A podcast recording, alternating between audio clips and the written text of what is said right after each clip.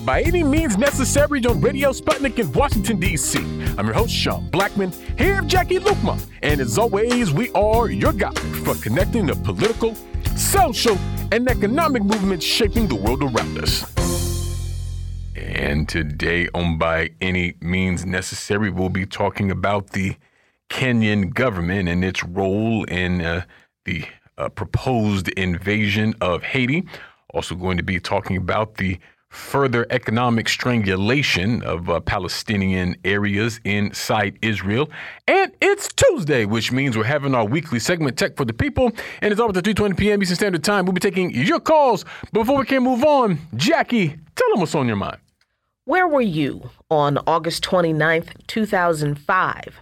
when Hurricane Katrina made landfall in New Orleans and breached 53 different levees in the city and flooded 80% of the city.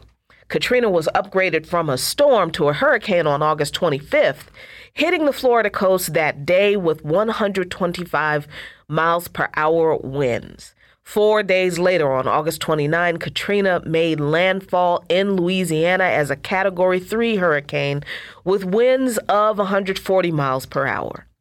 Rebecca Solnit wrote a retrospective on Katrina in 2010, calling it Reconstructing the Story of the Storm, Hurricane Katrina at 5, in which she says in August 2005, 90,000 square miles of the Gulf Coast were devastated. More than 1,800 people died. 182,000 homes were severely damaged. In New Orleans alone, where 80% of the city was flooded, hundreds of thousands went into exile from which some never returned. A great and justified bitterness arose in African Americans who were demonized by the media and the government and who felt that they had not been treated as citizens or even as fellow human beings.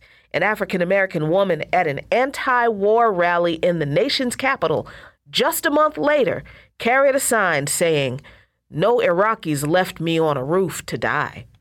After Hurricane Katrina, neoliberals, this means Democrats and Republicans alike, and George Bush provided a near perfect example of Naomi Klein's theory of disaster capitalism. Everything from supplying buses for evacuation to tarps for torn up roofs became an opportunity for Bush supporters to reap financial rewards. The city's public housing was torn down. The schools became charter schools, many along military lines. Told this way, what happened was pure loss for the left as well as for the poor though the schools before Katrina had been kind of a mess, but that's not all that Katrina triggered because during the storm and its aftermath, far more people did heroic things, and these are the key missing stories of the storm, but the exploitation of the poor cannot be dismissed.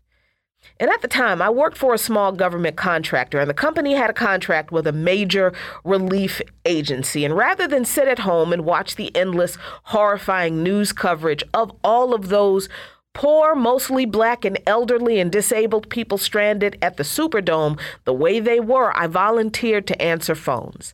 The calls I took, they were heartbreaking. Sometimes I was able to connect people to the assistance that they needed food stamps, shelters, clothing distribution, medical assistance, sometimes a bus ticket out of New Orleans, sometimes a bus ticket back.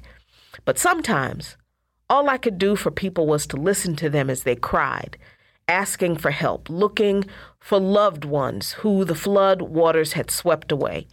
There are several calls like that I will never, ever get out of my head. The helplessness, the sorrow, and the rage I felt for those people that I will never, ever unfeel.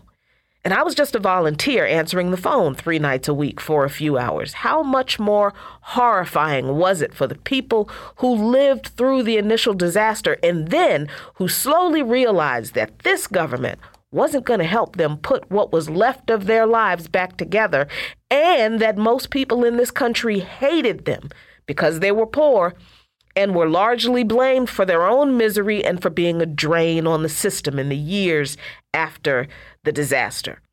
In an interview with the Today Show, historian Michael Eric Dyson said that Hurricane Katrina overwhelmed the levees and exploded the conventional wisdom about a shared American prosperity, exposing a group of people so poor that they didn't have $50 for a bus ticket out of town. If we want to learn something from this disaster, the lesson ought to be, he said, that America's poor deserve better than this.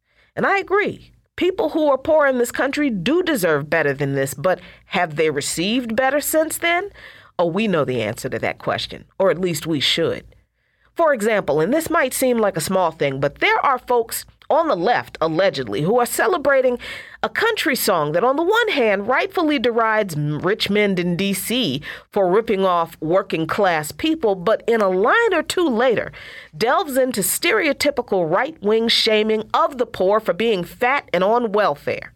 How are those on the left celebrating this song at all after this administration refused to extend the COVID emergency child tax credits or make the extension of SNAP benefits permanent or make the Medicare extension permanent that all helped the poor during the pandemic and lifted millions of children out of poverty? Tell me, how in the world is that song Rich Men North of Richmond by Oliver Anthony being celebrated by any faction of the left when this so called working class regular guy draws the obese milk and welfare. Well, God, if you're five foot three and you're 300 pounds, taxes ought not to pay for your bags of fudge rounds.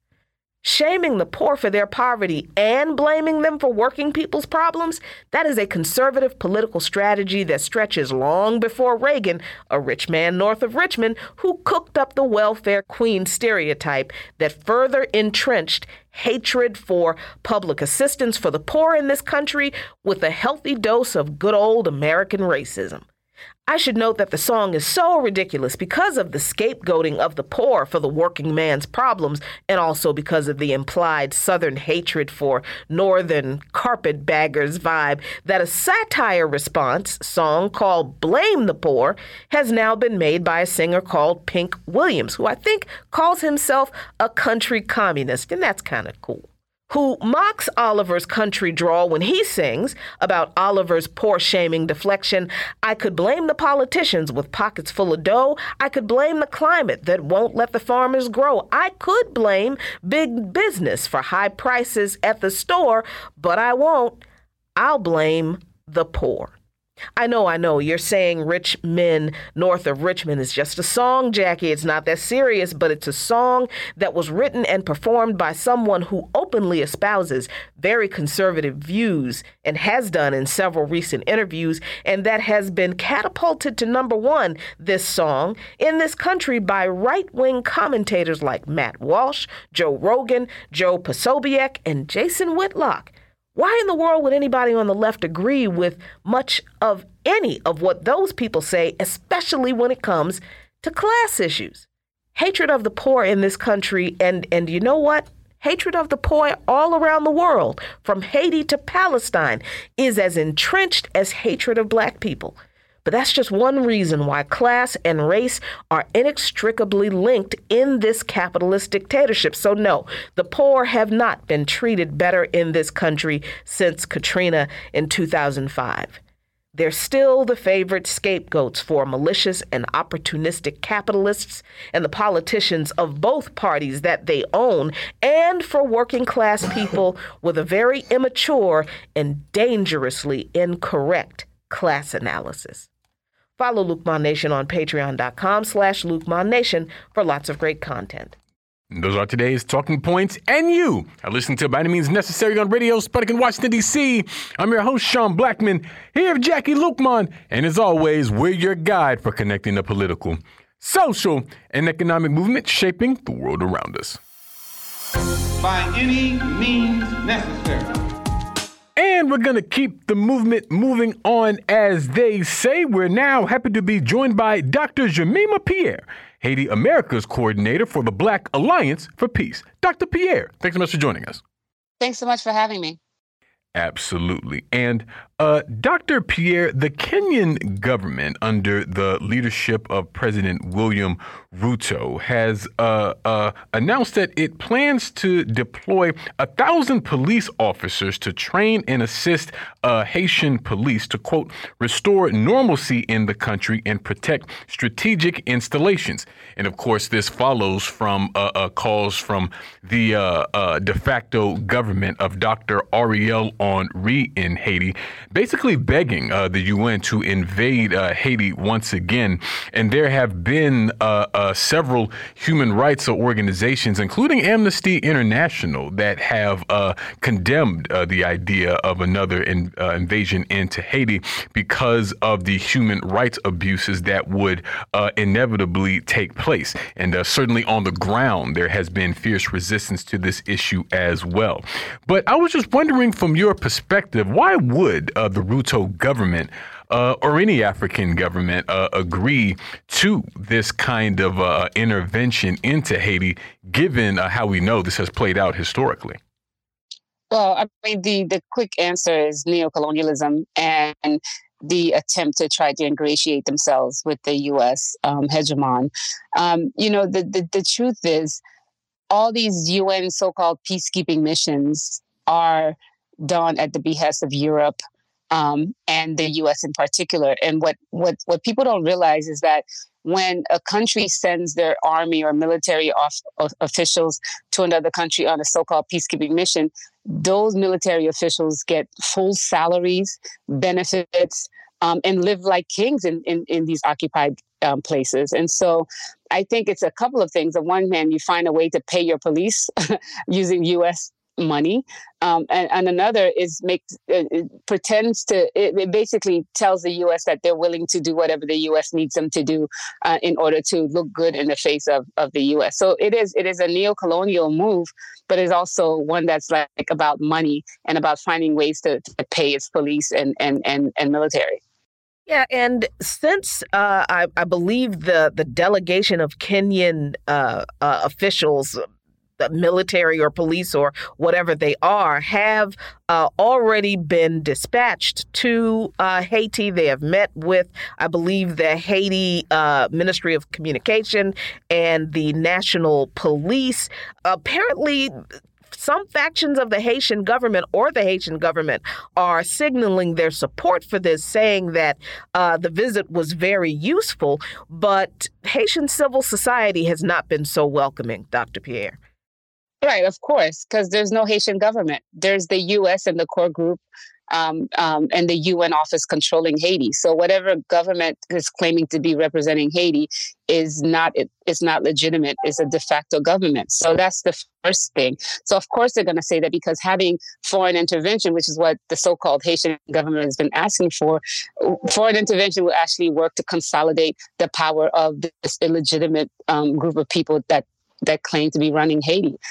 And so there's that. And, you know, Haitian people know, um, Haitian people are completely against foreign intervention, whether or not it comes in white face, Latino face, because, you know, the head of the BINUH office is, I think, from Ecuador or or or, or an African face, and and you know African uh, uh, you know African leaders should be ashamed of themselves, especially Ruto, but also African civil society and African masses should actually be on Haiti's side and push against their own governments from doing what, what, what they're doing. And so, what the Haitian people are protesting is that the reality is what they're going to do, the foreign forces, all they're going to do is protect the goods of the elite and the embassies.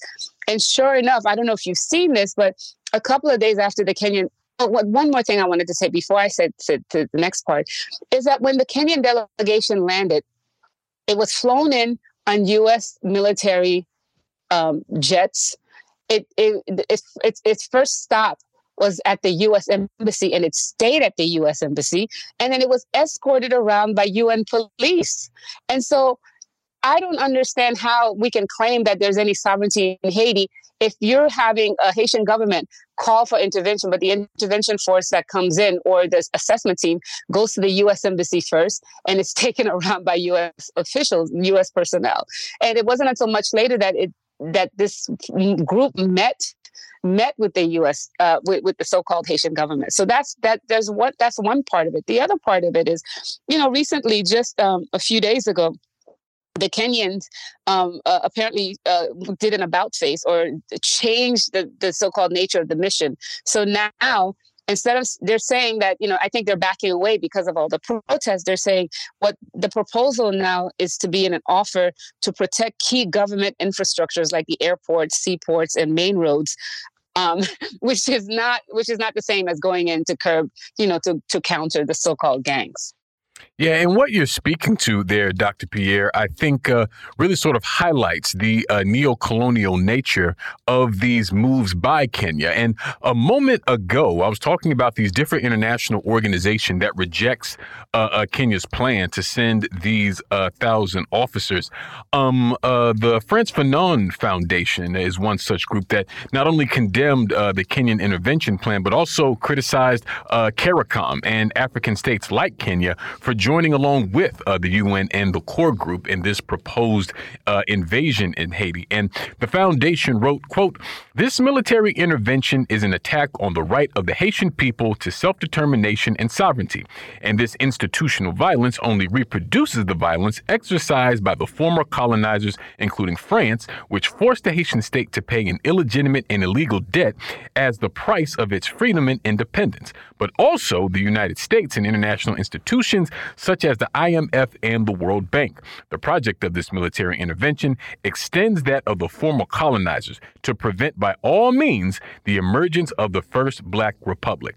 And just that brief paragraph, I think, gives a lot of uh, the proper historical context to what we're seeing uh, happening in Haiti as part and parcel of uh, how that country has been under assault really for centuries. And I think it also highlights something that we often discuss here on the show with you, Dr. Pierre, and that how uh, in the media and what we're told from uh, the de facto government of Ariel Henry is that the issue is of these gangs, these armed groups of young men, and things like that. But not only is the question of imperialism left out, but also the role of uh, these institutions like the core group and uh, uh, the wealthy oligarchs of Haiti who remain largely unseen. And all we see are these images of uh, Haitian men with these uh, guns. And, you know, they, they didn't go uh, pluck them out of an orchard. Guns cost money.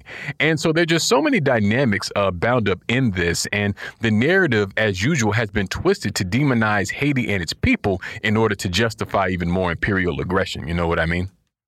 That's correct. And, you know, it's, it's, it's really, um, frustrating because um, one of the you know because it's it's there's the reality is that the people who are suffering the most are the poor and working class Haitians um, that have to deal with with the increase in violence against these communities. And so I'm not trying to belittle the fact that there is violence, but I also want people to notice that there's been an uptick in violence every time there's a call for intervention. So it's almost as if the violence is being created or being um, exacerbated in order to create um, the narrative needed for foreign intervention.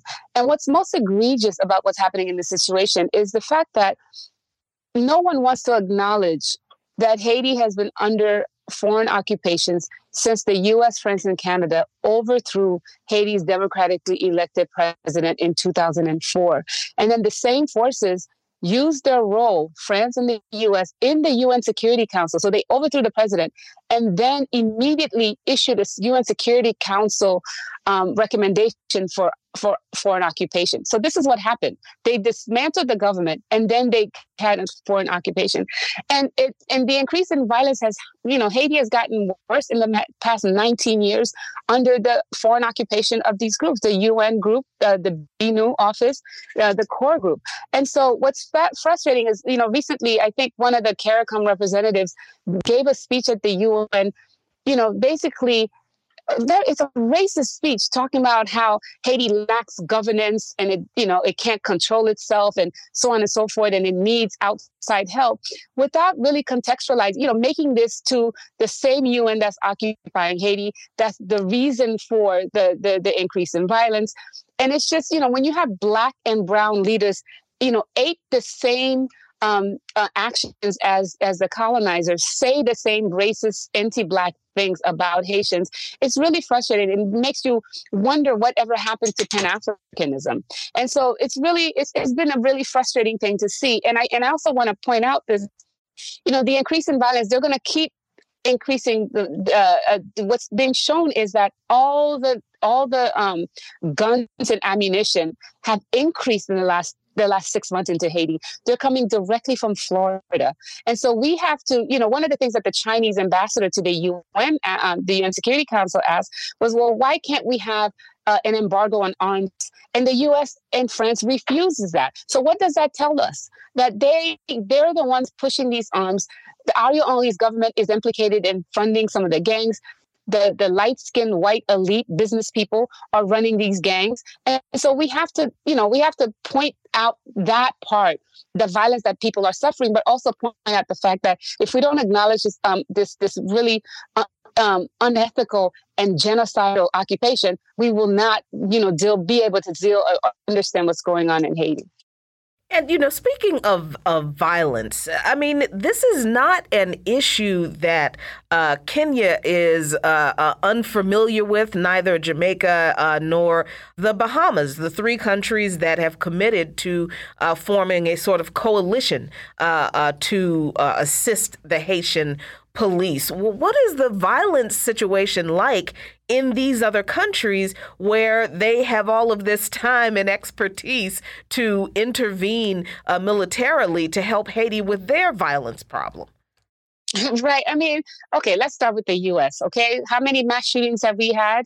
Um, this year, right? Let's talk about violence. Let's talk about violence in the US. Let's talk about French. The protests have been going on nonstop in France one of the reasons why the Amnesty International, which is not an organization I necessarily support, but one of the reasons that they were against a Kenyan force in Haiti was that they're saying that the Kenyan police is genocidal. There, but there's a there's a whole website of missing uh, and murdered people by the Kenyan police, um, where people can't find family members. And so, you know, and Jamaica has been under a state of emergency because of gang violence. Uh, a gang burned down an entire neighborhood just two weeks ago in Jamaica, right? And so that's the fascinating part, right? So when it happens in Jamaica, it doesn't make the news. It doesn't cover, you know, not every, you know, it doesn't doesn't make every single country's front page news the way that it does when it comes to Haiti, because we know there's like a, a major uh, uh, uh, a, a, propaganda machine that that really stands up against Haiti, and that all these black countries participate in, despite the fact that their own house is dirty and they're living in glass houses.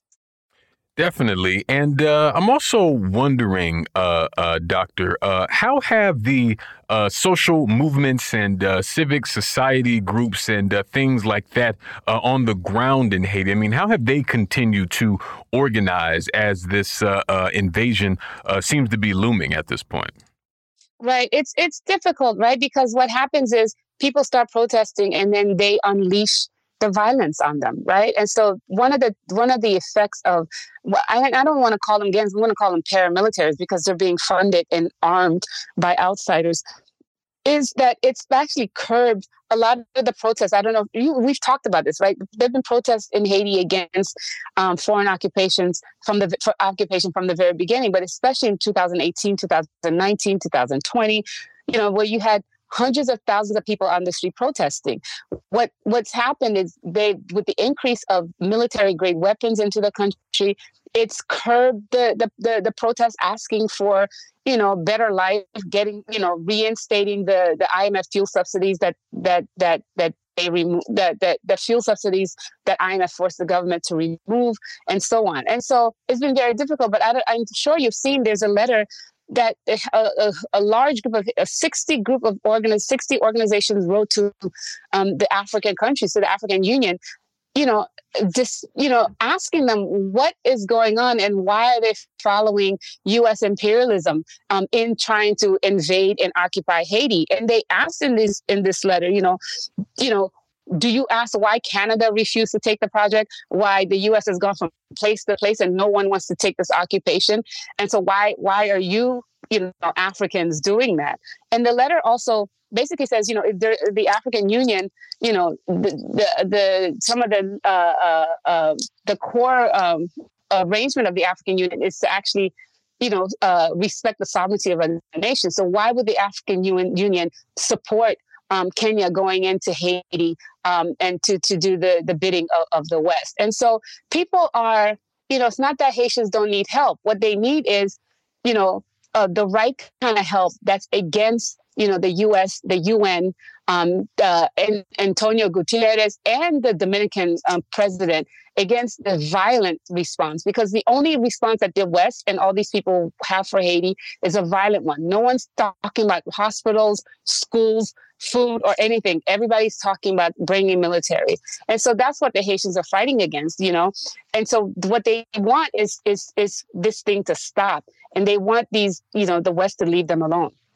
Definitely. Well, we thank you so much, Dr. Pierre, for joining us today. We're going to leave it there and move to a break here on By Any Means Necessary on Radio Sputnik in Washington, D.C. We'll be right back, so please stay with us. By any means necessary.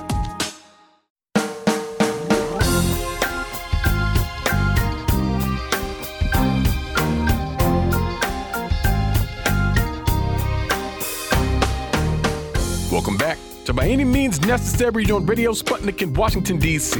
I'm your host, Sean Blackmon, here with Jacquie Luqman. And as always, we are your guide for connecting the political, social, and economic movements shaping the world around us. And today we're talking about Israel's latest economic attack on Palestine. And we're happy to be joined for this conversation today by Miko Peled, human rights activist and author of The General Son, Journey of an Israeli and Palestine, and Injustice, the story of the Holy Land Foundation 5. Miko, thanks so much for joining us. Pleasure. How are you guys doing? Doing well, Miko. Doing well. And uh, earlier this month, Bezalel Smotrich, the uh, finance minister of Israel, uh, announced a freeze on tens of millions of dollars that were set to make their way to Palestinian municipalities. And this seems to really just be worsening an already extremely difficult economic situation for uh, uh, much of Palestine that already suffers under uh, sort of racist and discriminatory economic policy uh, of all kinds. And so I was hoping you could help us understand uh, what is the, the reasoning behind this move uh, by Smotrich and how does it factor into the broader program of this far right government in Israel? So, you know, the, the, let me just kind of touch on the terminology. So, we're talking about Palestinian localities within the state of Israel, within Israel. This, this is not like Israel Palestine. This is Israel versus Palestinians because of course there is no Palestine. We're talking about Palestinian citizens of Israel. We're talking about localities of we're talking about municipalities where the citizens are citizens of Israel. This is within, you know, what is officially recognized as the state of Israel. This is not the West Bank or anything like that. So it's it's it's a unique situation. And uh, so it's, again, it's Israel versus Palestinians. And what he did was he he put a freeze on funding that needs to go to Palestinian municipalities. And he's trying to put in a process that would limit uh, their access. Now, this is this is this is these are monies, these are funds that were collected by from these localities as taxes, like you know property tax and things like that, which which they pay as all citizens do to the state of Israel and then go back to the localities in, in, terms of, you know, to these municipalities so that they can address the issues that they need, like, you know, schools and, and, and teacher salaries and garbage collection and on and on and on, things that municipalities lead to. Now, the, the, the, this particular government, although they're not unique, they're just a little bit more extreme, uh, have a policy of trying to tear down these these communities, the communities of Palestinians within the state of Israel. And these communities suffer from terrible challenges because there's a history there of decades and decades uh, where these communities have not received the kind of uh, planning, the kind of uh, financing that other Israeli, that Israeli Jewish municipalities receive. Um, and so they're far, far behind. I mean, some of these cities look like refugee camps. You know, it's hard to believe that you're driving along what's recognized as, you know, Israel proper and on one side you see Jewish Israeli Jewish cities, and they're modern and beautiful. On the other side, you see these these towns that look like refugee camps. There's overcrowding. There's no infrastructure. There's no planning. There's no urban planning at all. There are no sidewalks, no parks, no recreation. Schools are overcrowded and falling apart. Uh, people, there's a huge, you know, extreme um, uh, lack of housing, a housing shortage, and on and on and on and on. And so what he did now, this is money again, like I said, that was collected by the government to, to be given back to these localities. Um, and he's denying them this money. At the same time, he's taking money and he's sending it to Jewish settlements within the West Bank. Um, and so there's an attempt to, to really destroy these, the, the, fabric of the communities of Palestinians within the state of Israel, Israeli citizens, and to boost the Jewish settlements within the West Bank. And as finance minister, he's got he's got the ability to do this. And if I can, I'll say one more word. One of the reasons that he gave was that there's, you know, crime is rampant in these communities. In the communities of Palestinians within who are citizens of Israel, the cities are, you know, the murder rate in these cities is one of the highest in the world. And typically, Palestinian communities everywhere are, you know, there's very little crime.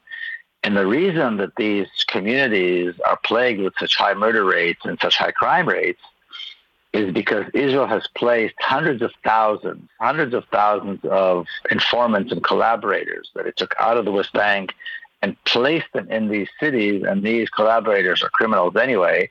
These informants are criminals anyway. And they engage in crime freely. I mean, you can buy an M16 and shoot someone in the middle of the street in broad daylight, and the police will never come. And so these crime, these these collaborators have created gangs. They're basically like crime families. They have entire families, and they sell drugs, and they shoot and kill, and they collect protection, and so on, just like any other mafia. But the problem is that Israel has placed these people, these crime families, these these criminal elements within these communities, and gives them a free hand to do whatever they want.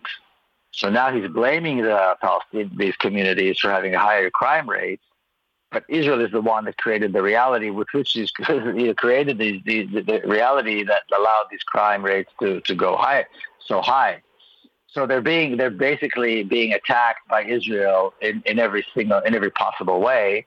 And then he says, well, we can't really give them the money because we don't know that the money is not going to go to uh, criminal elements that is just uh, the, the, the height, I think, uh, of hypocrisy in this situation. What happens? The the immediate effects of this money, it's 200 million shekels uh, being withheld from these Palestinian uh, areas. What happens to education, uh, infrastructure? What what do you see as the immediate effects uh, occurring because this money is going to be withheld, Miko? I was talking to Fida Shehadeh, who's a city council member of a city called Lid, which is a mixed city with a very large uh, Palestinian mi- uh, minority. It's a what's called mixed city. And the segregation is, is complete, and, and you know the schools are different, the housing is different, they don't get electricity and water and so forth. And she said, "Well, it's very simple. They won't be able to start school. They won't be able to open their schools next week. Uh, schools start in September, and they will not be able to open their schools." You know, that's the first thing that happens. Then you see, you know, there's no garbage collection. And then, you know, of course, policing, forget it. The police are not, do, do not operate within these cities anyway. But that's the first thing we're going to see is kids are not going to be able to go to school.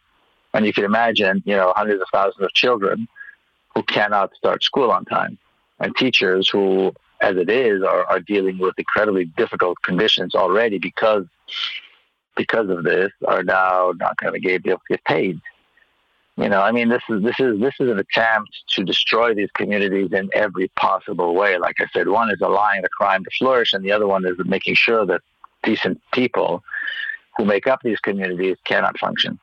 Yeah, and I meant to mention you published a piece about this, Miko, on uh, Mondoweiss entitled Under Finance Minister Smotrich, the Israeli state's war on its Palestinian citizens has reached new heights. And uh, I feel like I should point out you put citizens uh, in quotes. I think that's rather appropriate.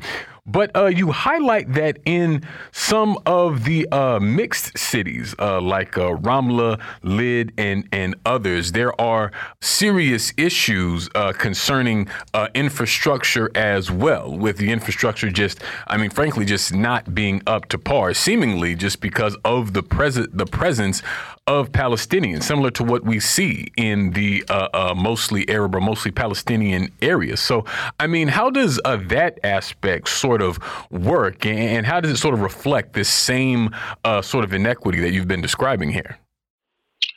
Well, you know, Israel has always had a problem with the fact that it has a large Palestinian um, uh, citizenship. Now, granted, it, it, it goes both ways. Israel prides itself in saying, "See, we're a democracy. We have a small Arab minority, and they're and they have, they're equal in every possible way." Well, they're not equal in any way whatsoever. You know, they, um, there was a, an attempt to try to get the government to pass a um, equality under the law clause into the Israeli constitution. It's called the Basic Law but basically saying that all citizens should be equal, and it was rejected.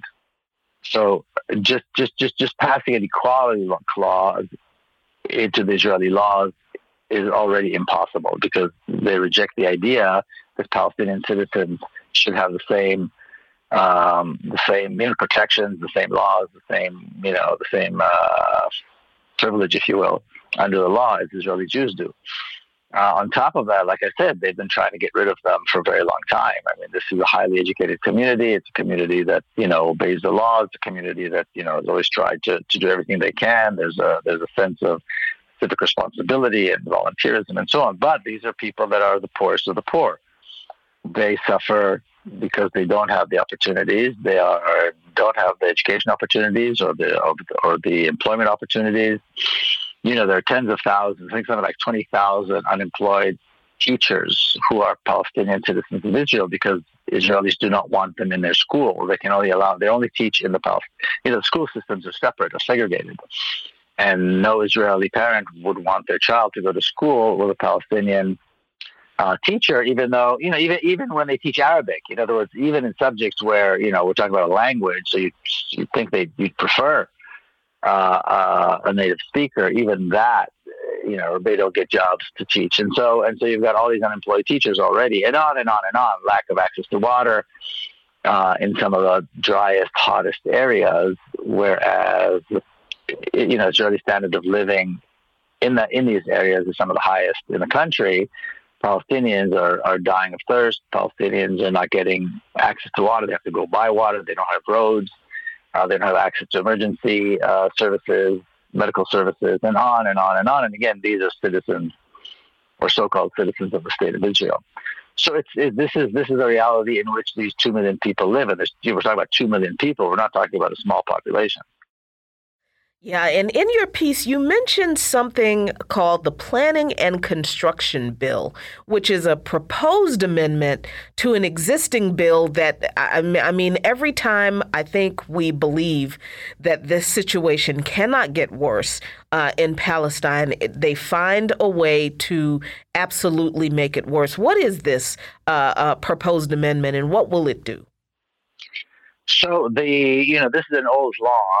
Um, uh, and the amend and and you know uh, within the law it states that anybody who builds you know you need a permit to build you need a bit, permits to remodel and so on which is you know which makes sense.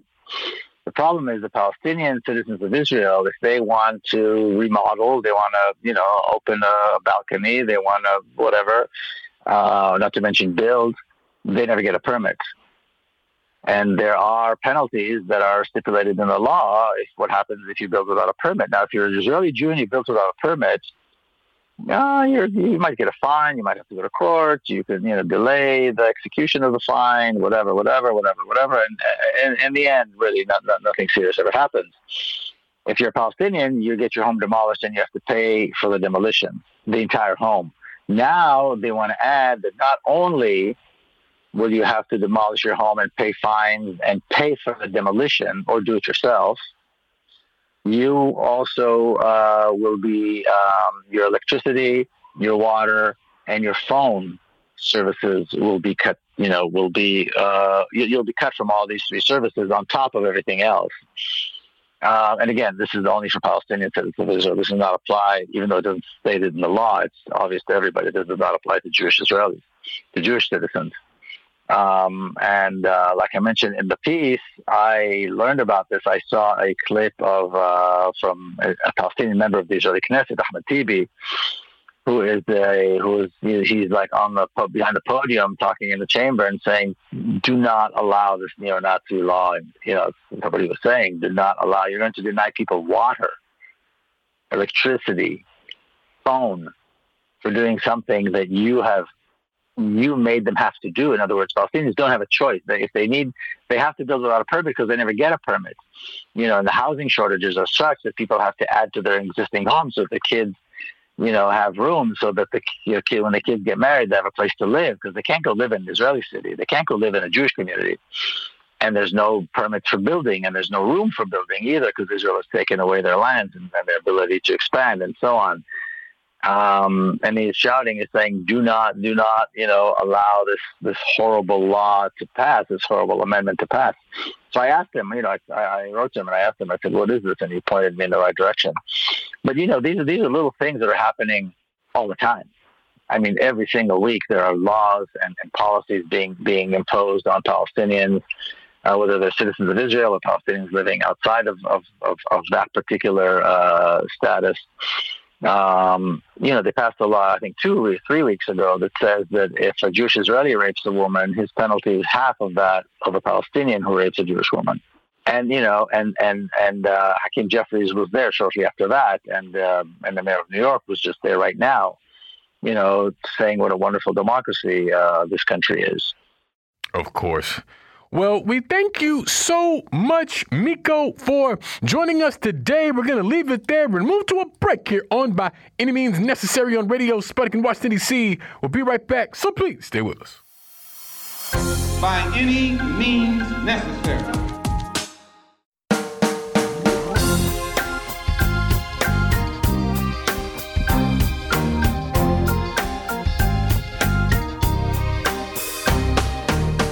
Welcome back to By Any Means Necessary on Radio Sputnik in Washington, D.C. I'm your host, Sean Blackmon, here with Jacquie Luqman. And as always, we are your guide for connecting the political, social, and economic movements shaping the world around us. And it's Tuesday, which means we're having our weekly segment, Tech for the People, where we're joined by technologist Chris Garaffa, co host of the Covert Action Bulletin podcast. Chris, thanks so much for joining us. Oh, great to be back again. Thank you. Absolutely. And uh, Chris, a special counsel Jack Smith uh, uh, was able to obtain a, a, large array of data from Twitter about the account of former President Donald Trump. Of course, as Trump continues to uh, uh, experience some legal troubles here stemming from his attempt to overturn the 2020 election results. But uh, uh, he said that there's been a quote momentous bid by Twitter, the company, and perhaps by Elon Musk himself to uh, uh delay them getting access to these records and possibly even alerting Trump and his camp to the fact that uh, uh, the counsel was looking into this. So, so what's happening here? Yeah, so some re- documents that were recently unsealed uh, this month, you know, from this investigation from uh, Special Counsel Jack Smith's uh, efforts to uh, go after Trump, you know, really showing us the extent of the information that Twitter and we can extend this to all social media companies, has and can provide, and ultimately has to provide under current U.S. law. Uh, and you know, we should be thinking about this not just in the context of Donald Trump, but in the context of any of us. Um, you know, I highly doubt that Twitter or really any of these companies would fight and take a $350,000 fine even uh, to fight, you know, handing over information about our accounts. Um, you know, X, Twitter, whatever you want to call it, was found in contempt of court in February for not handing over uh, certain information about the real Donald Trump account by a uh, court specified deadline. Um, but they finally did comply with the with the request. And what did they hand over? They handed over uh, any accounts associated uh, with the devices used to access the real Donald Trump account. So not just um, you know, let's say you have an alt account on Twitter. You know, a lot of people have an alternative account, you know, as, as a backup or, you know, a place to post things they don't want to say associated with their name or whatnot. Uh, Twitter can hand that information over all of the IP addresses, which can, through a couple steps, get you location information, your privacy settings, all tweets, I love this, created, drafted, favorited, or liked, or retweeted, including any subsequently deleted. So even if you had drafted a tweet and never sent it, Twitter still has that. Um, even if it's been deleted, even if it's been deleted. So Twitter clearly is still tracking all of those things and all direct messages sent from or received by the account. All of the searches that the account made. I mean, this list goes on. There's a lot of information here. And what we really should be thinking about is the extent of data that a company like Twitter, like Facebook, Reddit, whoever it is, has on us. And even if you think you're deleting a message, if you think you're, uh, you know, somebody sent you a direct message and you ignore it, you delete it, that's record probably still there that they sent it to you. It's unclear at this point what how this is going to play into uh, the prosecution of Donald Trump. We haven't seen a ton uh, of the actual evidence that has come out of the out of the, these requests from Twitter, but we should just, you know, always think about how much information these companies have on us, whether we've given it to them, whether somebody else is putting it in our account, like if somebody sends you a DM or likes a tweet that you've posted, or you like a tweet somebody else has posted, and, and so on. Yeah, Chris, and I, am wondering how Twitter has responded. Uh, well, X now, the platform is called. How they have responded when this kind of information has been requested of like law enforcement, of just regular folks whose name are not Donald Trump and were not the former president of the United States. Because it seems to me that this kind of effort was not made to not share this kind of information with law enforcement when it came to them coming looking for uh, uh, information to implicate just regular folks in, in stuff. Oh yeah, Twitter regularly shares this kind of information, just like Apple, Google, Facebook, all the rest of them, because that's how uh, U.S. law effectively works. I mean, they if they have the information, they have to uh, either mount a huge legal defense or they have to hand it over. And, you know, unfortunately, uh, none of these companies, including Twitter, I should say, because they did eventually give in, uh, you know, will mount that kind of sustained, prolonged legal defense.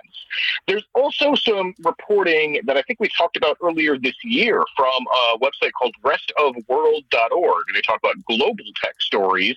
Um, talking about how since Musk took ownership of Twitter, uh, the company, and this is as of late April of this year, the company received 971 government demands and fully complied with 808 of them. Uh, they also summarize it by saying that before Musk took over Twitter, they, the compliance rate was about 50%, and as of the end of April, since Musk took over Twitter, um, it was about 80%. So a 30% increase, uh, percentage point increase there in the compliance rate uh, of government takedown or government data requests from not just the U.S. government, but actually around the world. So Musk, for you know all of his supposed anti-authority, free speech talk, is actually very willing to comply with government requests around the world. Definitely. And switching gears a, a little bit, Chris, I saw this uh, article published in the New York Times talking about how uh, our information on popular apps like Venmo are, are often uh, public, perhaps sometimes without our knowledge, uh, even though uh, that platform has changed some of its privacy rules in recent years. I think people could still be sort of uh, exposing some of their transactions, perhaps without realizing it. So, so what's happening here? Yeah, this is one of those things you don't think about a lot, right? Oh wait, tw- you know, then you know, Twitter, you go and you post, and it's public, or at least for the people who are following you, and you expect that they're going to see it. With Venmo, you don't expect that uh, you know it, that they view themselves as a social network, but in fact, the Venmo uh, they do see themselves as a social network, and they want it to be a, a social network of sorts. And what is the core principle of a social network? It's actually sharing information with other people, but also sharing information with the company.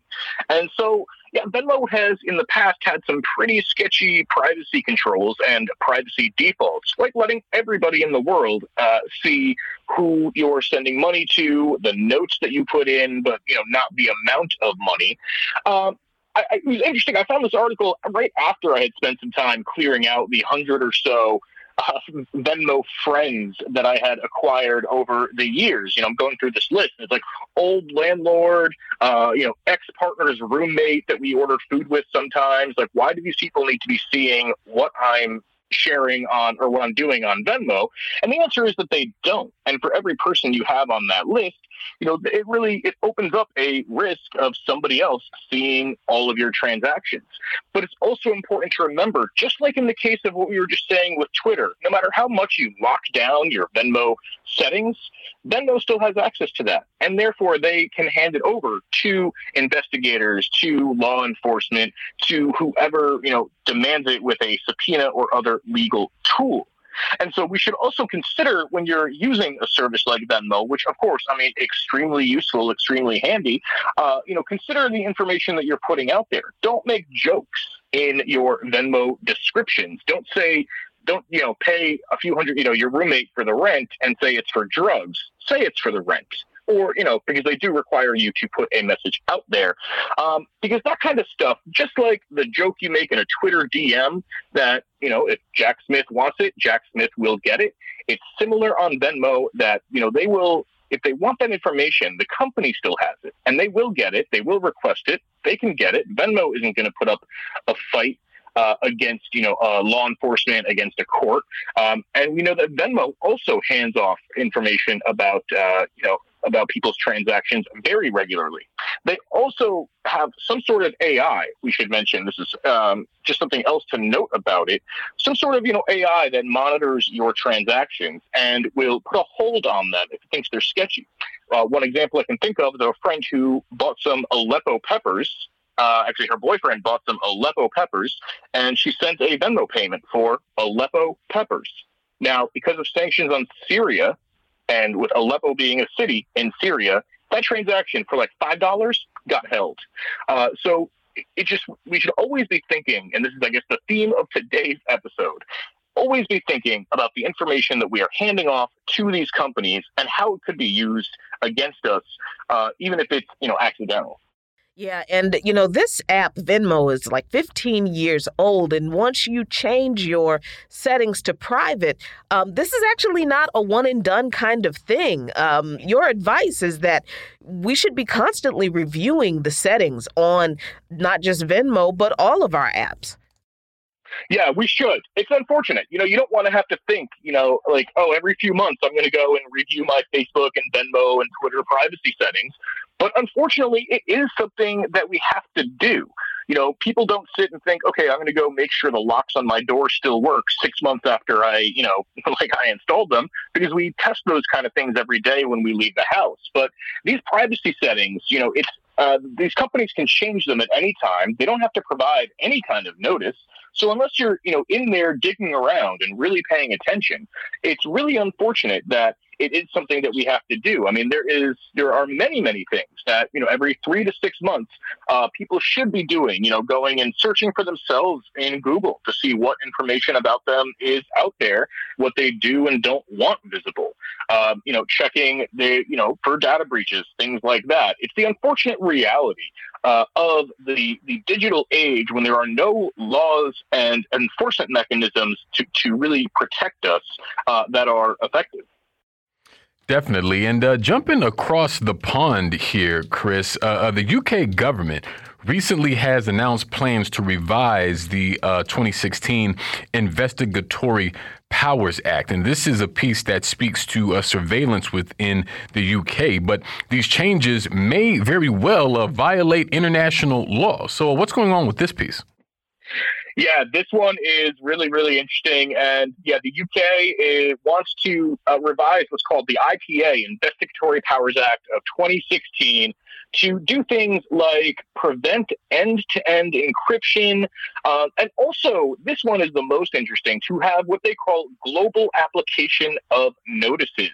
So if there is, uh, you know, notice that has to be given for content takedown or investigation, you know, every country has their own kind of, you know, regulations around this and their own rules about this. And whether or not that's, you know, good or bad, uh, you know, is a, a different topic. But the idea that the, the UK can actually be enforcing its own policies on countries, uh, you know, on companies that you know are based in other countries and follow the rules of other countries, um, you know, is really just like this imperial hubris.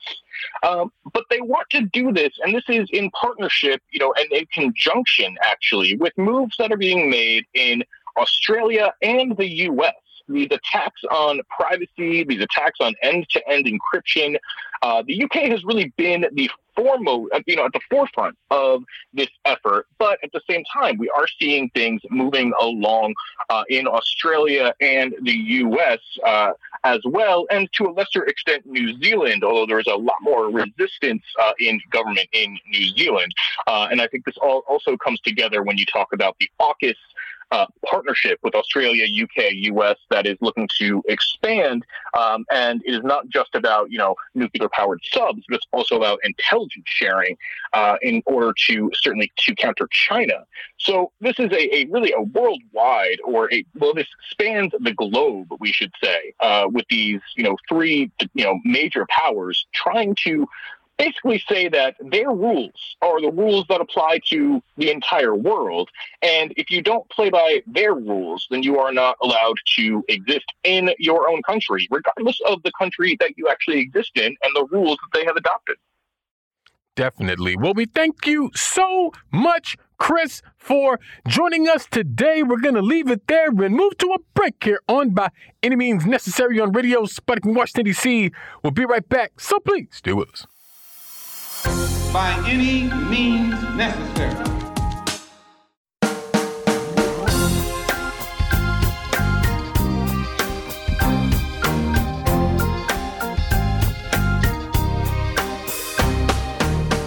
Welcome back to By Any Means Necessary on Radio Sputnik in Washington, D.C.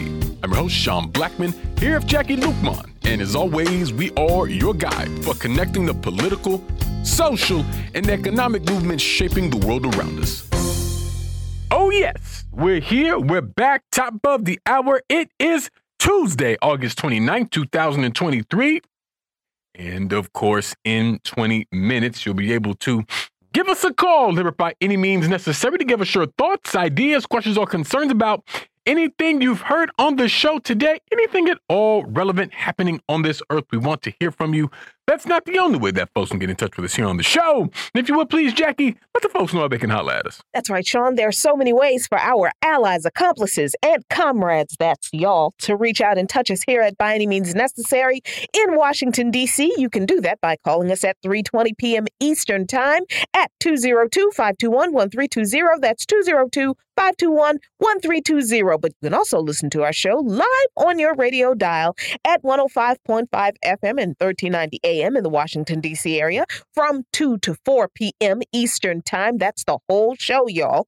And shout out to our friends over in Kansas City, Missouri, listening to us right now on 102.9 FM, 104.7 FM, and 1140 a.m. But did you know you can also listen to our shows at SputnikNews.com slash radio? Scroll on down the page and click on By Any Means Necessary. And we are streaming for your viewing pleasure on Rumble right now at rumble.com slash C slash BAM necessary. The chat is live.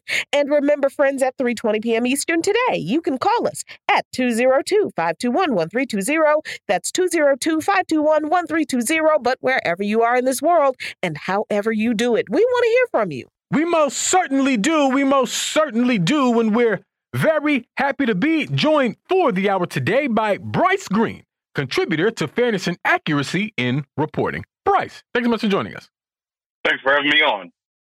Absolutely. And uh, Bryce, uh, mass protests against French troops in Niger have intensified as the military government, under the name of the National Council for the Safeguarding of the Country, or CNSP, uh, has set a deadline for French troops to be uh, removed from the country. They are told to really have been ordered to be to leave by uh, September 2nd, and uh, the military has not left as of yet. And also, the French ambassador to Niger has refused to leave, uh, prompting the uh, Nigerian uh, military government to cut off water and electricity uh, to the embassy, as people may have seen.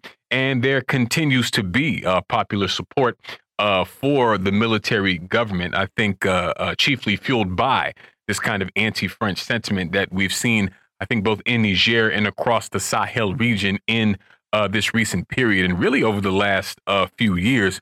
And so I'm just wondering how you're considering uh, the developments in Niger, Bryce, and what do you think it means for France in the region? All right. Well, uh, most of the sentiment that animated the overthrow of the Niger government uh, all these weeks ago was the long-standing colonial relationship that the country and much of the region have had with France itself. Uh, one of the first things that the junta did when they took power was uh, cancel all these agreements and all these uh, trade relations that they've had with France.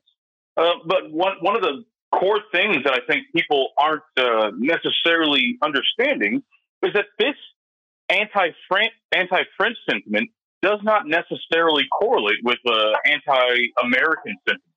Uh, in fact, the Americans are uh, still in uh, still in play in the country, and the junta regime they're negotiating and they're talking amongst themselves about what the relationship with the United States is going to look like.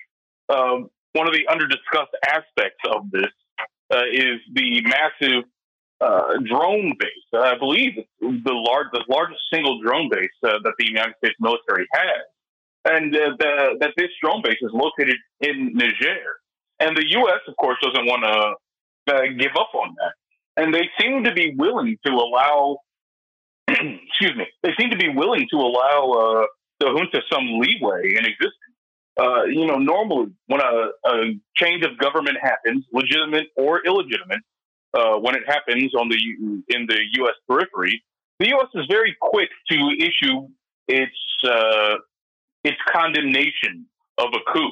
Uh, and here we see, you know, State Department officials and Washington officials hedging their words. They're not necessarily calling this out as a as something that needs to be handled immediately because they're seeing that well, if things do go the way of the junta regime, how can we maintain our influence?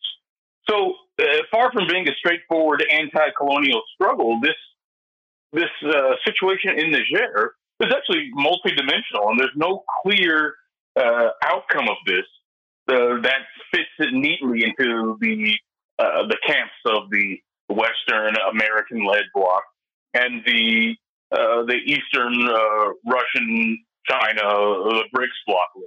So it, it's a very tricky situation, and it'll be interesting to see how the, the junta actually handles this, right? Are they going to be uh, anti-French and less hostile to the U.S.?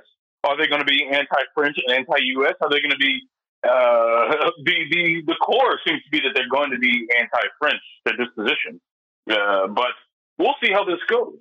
And uh, in the background, you have the threat of the ECOWAS countries threatening to intervene you know, some of them say that they don't plan on invading, they plan on intervening, but we all know exactly what this means. This means that there's a coalition of countries uh, who have deep ties with the West and with the French and with America, uh, who are planning to intervene in this country. Uh, you know, uh, they've already set a date, what they're what they're calling D-Day. They're they're the stage is set for a new disastrous intervention in the region, and we can only hope that they find some way out of it. And Bryce, what do you make of the um, expressions of the people in Niger who are taking to the streets, holding up uh, not just Russian flags, but for, from the interviews that I've seen, people have have expressed uh, not just you know the sentiment that they want France out, but that they also want the U.S. out, and they're holding up flags now uh, in some protests of the BRICS nations. So, uh, is it your um, analysis that maybe the junta uh, or the the military transitional government is being more cautious and moving more slowly than maybe the people want them to move? Uh, that, that certainly seems to be the case here. Uh, and it's completely understandable and reasonable why there's so many, uh, uh, uh, so, so much support of the BRICS bloc in Africa and in Niger specifically, and why there's so much anti-Western sentiment. you know, the, the colonial history of that region. I mean, we all are aware and we all understand how extractive and destructive it was. Um, and the BRICS bloc seems to be offering an alternative mode of development represented by uh, Russia and Chinese investment and integration and otherwise uh, involvement in the region, which has been largely, uh, uh especially relative to the Americans, largely positive. But, but the, the junta itself doesn't seem to be as, uh, you know, revolutionary as uh, some people are saying that it is there you don't see from them, uh, you know, waving around Russian flags. They're definitely talking about being closer with uh, Russia, with China, and all these other places. Uh, but the situation that they're in is very precarious. I mean, the fact that the, the United States has thousands, uh, uh, all, over a thousand troops in this country, and the United States is a major stakeholder in the country, it severely limits the amount of leeway that any government will be able to have in, in country in that country. Uh, and so, yeah, like it seems like the people are uh, more gung ho about their role in the East West struggle than the actual uh, current governing junta. Yeah, and when speaking about Niger, I mean, it's pretty clear that um, uh, the a part of the reason that there's so much support for the military government is uh, a part of this social explosion uh, that has uh, taken place as a part and parcel of just the incredibly difficult conditions that have been wrought not only from all of these years of uh, uh, French colonial exploitation and uh, neo-colonial governments, but I mean also sort of the the the broader kind of imperial thrust of uh, the major powers that have just robbed so much of these countries. And I don't think it's any coincidence that when you look at uh, the different coups that have taken place in the Sahel over the last few years, uh, whether we're talking about Mali or Guinea or Niger or Burkina Faso, um, there are similarly uh, uh, sort of popular support, uh, at least at different points,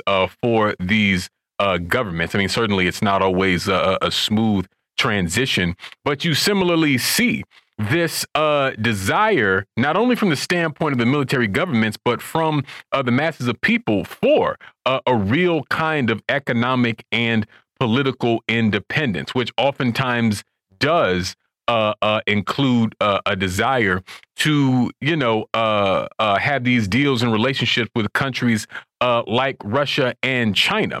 And Bryce, as a journalist, I'm wondering how you've been um, observing some of the narratives from the media. I think particularly the Western corporate media, because since we've been seeing this uh, a call for relationships, not only the support for sort of the BRICS formation, but uh, specifically this uh, desire for relationship with countries like Russia and China, you know, within the context of Washington's sort of ongoing new Cold War with uh, both those countries, is that there's a narrative that uh, these countries are basically uh, being recolonized by Beijing or Moscow, and that countries like Niger and others um, are basically allowing themselves to be uh, overran by uh, these private military companies like uh, the Wagner Group and things like that. And, and, so I'm just wondering how you're seeing some of these narratives play out in the media and, and the role that you think they play in uh, pushing a particular narrative about what we're seeing in Niger and the Sahel. Right. Well, and all over the world, whenever a country takes um, a step away from being firmly ensconced in the Western orbit, when they take a step away from being, uh, you know, a vassal state in our colonial empire, uh, the the chorus of Western press will usually say something to the effect of, "Well, they're being, uh, they're opening the door for China, or they're opening the door for Russia." Remember, when the U.S. pulled out of Afghanistan, one of the big things you heard was that it allow it will allow Russia and China to have a greater influence in the region, uh, and that will expand their colonialism. And so, in turn, they're framing themselves as the anti colonial alternative to Russia and China, which, I mean, anyone who understands history, uh, that's less than laughable. Uh, but th- this is the stance that many in the media take. And it's because that there's a, a zero sum game uh, in the in the American political uh, media sphere, in which any country that's not with us is against us and is with the enemy. And this is, of course, something that is drawn from the the Cold War, right? Uh, recall how in, in the uh, early 1950s, uh, many countries they saw the growing tensions between the U.S. and Russia and the USSR and China, and they said that they want to be non-aligned. They said neither uh, neither Moscow nor Washington. And these countries, they decided they tried to take a more even-handed approach to their uh, their relations with either the Soviet Union or the U.S. But the Soviet Union was, of course, okay with that. But the U.S. they took that to mean that these are communist governments. Uh, we saw that in the case of uh, Indonesia, especially, which ended in a, very, uh, you know, destructive bloodbath. But so this idea of any country that is exiting the U.S. orbit, that's not uh, welcoming their status as a vassal, is being, uh, you know, uh, being duped or being pulled into the Chinese Russian colonialism. But a lot of this rhetoric, it stems. I mean, if we set aside this the overt dishonesty, it comes from a misunderstanding of how colonialism operates and what colonialism actually was. Uh, colonialism isn't simply when a country exercises influence beyond its border.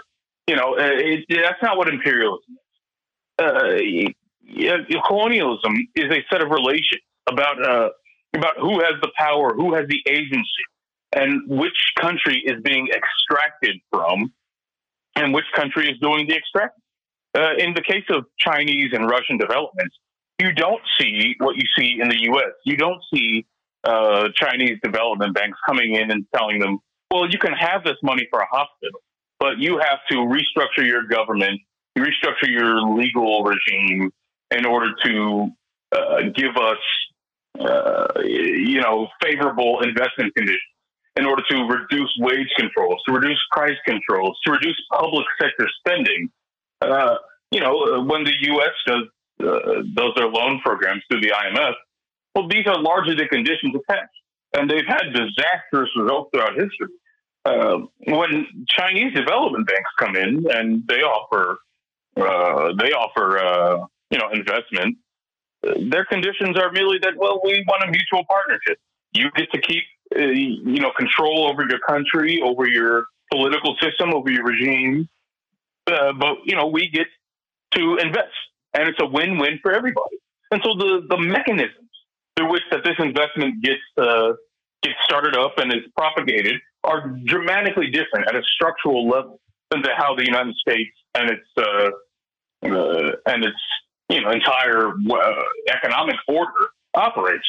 And so to call the the way the Eastern Bloc operates colonialism is not only dishonest but is ahistorical. We need to understand that there's a reason that these people are choosing Russia and China over places like France and the United States. It's because it's a better deal for them. And, and in the Western press, it can be described as you know people are being duped or uh, they're being blinded by vulgar anti-Americanism. But no, these people aren't stupid. They understand exactly what's at stake here, and they're making their decisions based on their own self-interest. And uh, from uh, uh, you know, as an observer, it seems to be pretty clear that that's a reasonable alternative. Yeah, and you know, I, I do, I'm glad that you made that point, Bryce, about you know the the people in Niger and across the continent. They are not stupid, and and, and I think it's really annoyed me the kind of paternalism that we have toward uh, people on the continent, as if they either have no right to decide who they want to engage in business with or who they want to invite in to assist them to kick out one imperialist partner and decide how they're going to deal or, or, or imperialist uh, uh, uh, occupier and decide uh, with some nuance and, and carefulness how they're going to deal with the even bigger imperialist occupier, which is the United States, or they they just feel that they they don't have a right to. They they don't have a right to decide uh, for themselves who they do business with and why, as if they don't have their own self interests to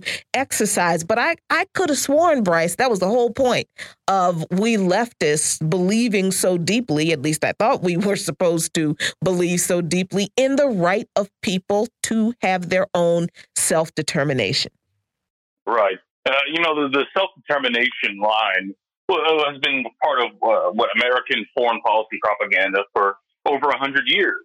Remember the, uh, the Wilsonian diplomacy at the in World War One. It focused on you know the rights of countries to determine their own their own futures. You know, a, a nationalist perspective of how countries should operate. Of course, even then they didn't believe it. They were invading uh, Latin America left and right. You know, Marines in Haiti, the Dominican Republic, and elsewhere, Nicaragua. But uh, you know, they uh, this rhetoric of self determination. Uh, it should be clarified to mean, well, you can do whatever you want as long as it's in the bounds of you know American uh, hegemony, right? You know, the countries all over the world like that were rebuilt after World War II. Well, a lot of them ended up having fascist regimes uh, and Nazi collaborators. I mean, in Japan and in South Korea, for example, uh, the Axis uh, collaborators were the people largely in charge under the new U.S. order, uh, in Taiwan as well. And they didn't really transition into uh, democracies, at least the way that you know Western folks would understand democracies with elections and and multi-party systems. They didn't transition into that until decades later, after any opposition to the you know the U.S. backed system was completely eliminated or marginalized enough to the point where it wouldn't be useful. And so when we talk about self determination, we're talking about, uh, you know, it's, it's, really just marketing material for anyone uh, who might believe in the U.S. myth. And, you know, I still encounter people. You know, I'm on a university and I still talk to people who still believe in some of these uh, U.S. myths, or at least they did. And uh, they've seen that stuff break down pretty they've seen those uh, those ideas and those myths broken down pretty quickly when they come to this country. Uh, but it's because our propaganda apparatus isn't just aimed at our own people, but it's also aimed at countries abroad. You know, the, it's also aimed at the populations and the citizens who do genuinely want self determination. But again, as this trends, as the Ukraine war has made so clear for a lot of people, and as the the BRICS summit uh, last week and uh, over the last few, over the last year or so, especially as that block consolidates, many around the world are beginning to see through the fog of nonsense and propaganda you know, that really defines American foreign policy pronouncements. People are understanding that their interests are better served uh, with a new economic system that isn't built on complete lies and complete uh, domination uh, by the U.S. and subjugation on the part of everyone else. And I think this is a very health, healthy development for the world. Uh, we'll see how the U.S. is able to handle it. Um, you know, we'll see how the U.S. is able to cope with things like the, the Niger coup. Uh, we'll see what what uh, response that they give to this. But it's a dangerous situation when you have one of the most powerful empires in human history uh, staring at you know the next few decades of de-dollarization, of people moving away from the system, of critique of the system becoming more commonplace, and what's you know the scariest thing for them, an alternative to the system being developed and becoming a viable option for you know the majority of the world's population. I mean, uh, you know, BRICS represents, I believe, forty percent of the world's population, even more so now that it just added new members. Uh, and so, when an animal is cornered, typically you can expect it to lash out the most.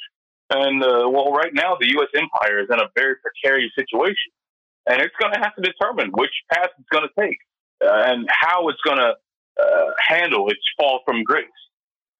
Definitely. We're going to move to our first break of the hour on that note here on By Any Means Necessary on Radio Sputnik in Washington, D.C. We'll be right back, so please stay with us. By any means necessary.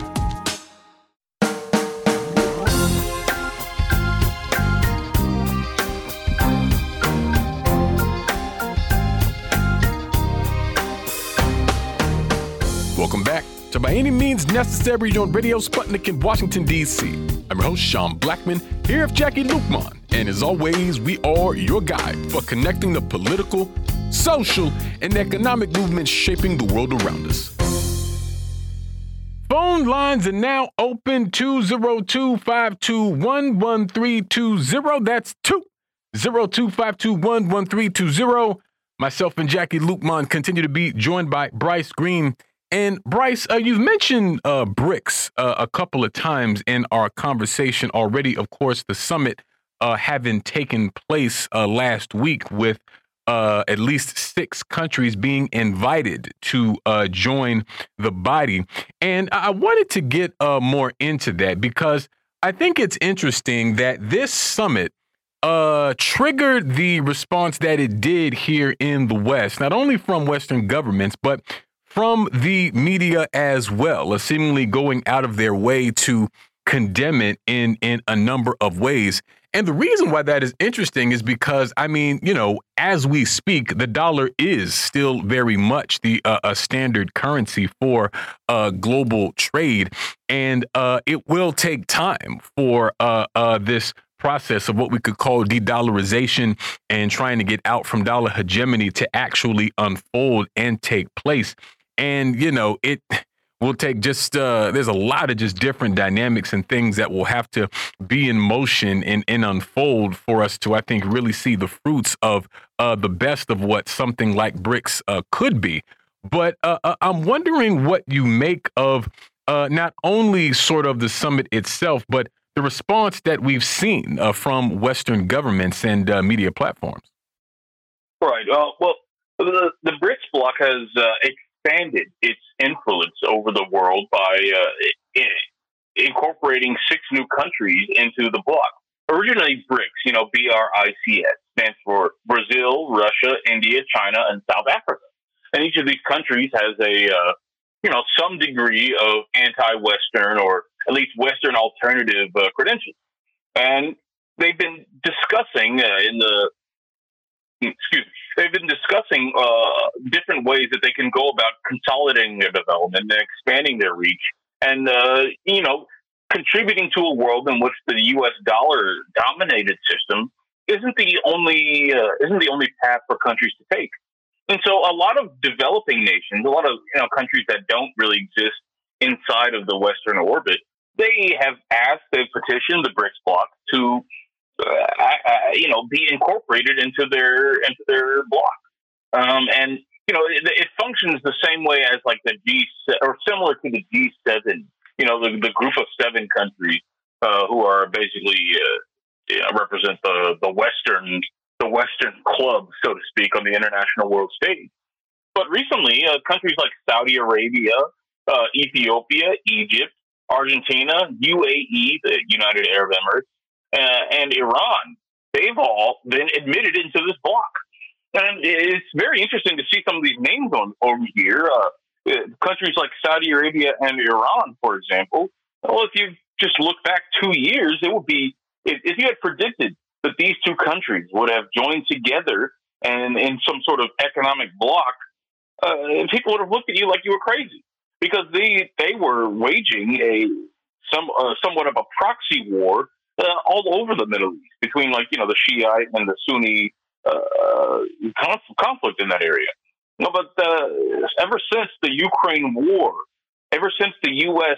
threw down the gauntlet and told every country in the world that they needed to be on the U.S. side or they were our enemy, ever since that's happened, that's reshaped the the global uh, the global chessboard, the grand chessboard, so to speak uh, to the point where Saudi and Saudi Arabia and Iran have actually made up and uh, signed a peace agreement uh, that uh, that's aimed at creating stability in the Middle East and resolving some of the, the conflicts that extended out from that rivalry. And this was all because of uh, not all, but largely because of Chinese mediation. Uh, the Chinese stepped in to make the world a little bit safer. And this the same uh, the same goes for uh, countries like Egypt, who, uh, you know, Egypt was, of course, a U.S. ally uh, for a long time and still receives, it's still one of the top recipients of military aid from the United States. But the fact that they have formally joined the BRICS bloc is an astounding development. The same with the United Arab Emirates, you know, uh, Gulf monarchy, which is firmly within the Western orbit, is now sticking sticking their neck out. And the only reason that this has been possible is because the foundations of the American imperial system have been shaken dramatically to its core. Uh, you know, after provoking this Ukraine war, they seem to expect that everyone in the world would be united against Russia. And in fact, even their own policy papers, uh, you know, Pentagon studies, they write that, uh, you know, uh, starting a war in Ukraine, like refusing to negotiate and uh, and pushing for a war, uh, would uh, expand not only NATO's footprint, but also just the general anti-Russian sentiment in Europe and around the world. Uh, but unfortunately, this gambit didn't work out, and in fact, the momentum is going in the opposite direction. You know, African countries are largely uh, uh, pushing away from the United States. Well, again, we've seen uh, uh, bigger jumps like in Niger, but slowly and steadily, these nations are uh, seeking out alternatives to this system that says that the U.S. can threaten you with freezing your bank reserves uh, if you're using the dollar. They can threaten you with economic sanctions if your uh, you know the economy is based on the dollar. Uh, well, all these threats are becoming untenable for the rest of the world, and uh, rightly they're seeking alternatives. And you know this is even understood by Western governments. Uh, I believe it was uh, Janet Yellen who was our Fed chair, or I'm sorry, former chairwoman, but she's currently the Secretary of Treasury. well, she said flat out that our use of sanctions might be uh, one of the reasons why countries are looking to de dollarize because this looming threat that their economy could be shut down, cut off, and strangled by the United States if they should go outside of you know U.S. diktats. Uh, well, uh, countries understandably don't want to live with that anymore, and so uh, the first expansion of this BRICS bloc uh, involved uh, six six different countries, each of them to some degree, well, some of them to some degree are involved with the U.S. But the fact is, if countries are, who are formally firmly within the Western, uh, you know, vassalage, the Western empire, imperial sphere, are now seeking alternatives and saying that, well, maybe we're going to step our foot outside of this. Well, that represents a, a real crisis. And uh, that crisis is reflected in a lot of the coverage you see from in Western press. You'll see you'll see things. In fact, just this morning, I was looking at a progressive magazine, and they uh, likened the uh, the BRICS expansion to the Molotov-Ribbentrop Pact between uh, you know the USSR and the Nazis, and they're saying, "Don't you remember the Molotov-Ribbentrop Pact? Uh, don't you know?" Uh, it, it, the implication being that these countries are signing a deal with the devil only to be invaded or attacked or genocided later. I mean, it's it's absolutely insane. But this is just from a this is from a progressive paper, a progressive magazine. Uh, the the mainstream press is, I mean, they're they're also sort of losing their minds at this. I mean, you you have people again using this language that these countries have been duped, or that Chinese and Russian tentacles are expanding over the world and sweeping all these countries in there without understanding that the underlying economic reality, this reality of uh, you know uh, unrestricted vassalage for these countries, is becoming untenable, and that these countries are joining BRICS and seeking out BRICS for a reason, and that reason is, you know, like I said, it's in their own self interest. And you know, Bryce, how do we progressives, we leftists, we communists and socialists have a conversation about these kinds of formations that are not uh, explicitly communist, not socialist. I don't even think they've said that they're necessarily anti-imperialist. They're an economic for- formation, um, certainly that would welcome some type of uh, market kind of function in some way. They're not saying that they won't ever do uh, business or trade with the dollar. They just don't want to be held hostage uh, by uh, dollar hegemony, and they should have the right to trade with each other in each other's local currencies, and they should not be punished by the U.S. and its Western partners for doing that. But how do we on the left have this conversation about BRICS without going to the extreme, that's just comparing it to the to the the Molotov Ribbentrop Pact. That that was a surprise to I couldn't. Uh, yeah. That, what, uh, I can send you that one later. yeah, that's that that's wild. That's that's a that's a stretch of a stretch. But I mean, how, how do we have a conversation about how important this is without sounding as if we're trying to make it something that it's not, that it's it's not anti-imperialist, it's not anti-capitalist, but also just pointing to how important it is for once again the sovereignty of the nations that are involved. Right. Uh, this isn't, uh, you know, a, lot of leftists get excited when we see, uh, you know, other countries taking their own path and breaking free of the Western influence. Uh, but it, it, would be a mistake to, you know, uh, consider this, you know, uh, a, a, new international, like a new a new communist revolution around the world. You know, these countries, uh, the only communist country, explicitly communist country in this bloc, uh, is China. And for all the, you know, the the positive uh, things you can say about the way China's developing and the and their politics and their their mode of economic development, they don't seem to be interested in expanding this system and taking it global. You know, the in contrast to the Western system, where you know we want every country to have the same market structures at us, the same uh, investor-friendly policies at us, the same uh, you know the, the, same general system as us.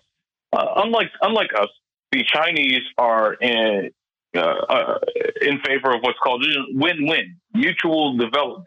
They don't necessarily want to change the internal structures of these companies for the sole purpose of, or these countries for the sole purpose of making their own corporations more profitable.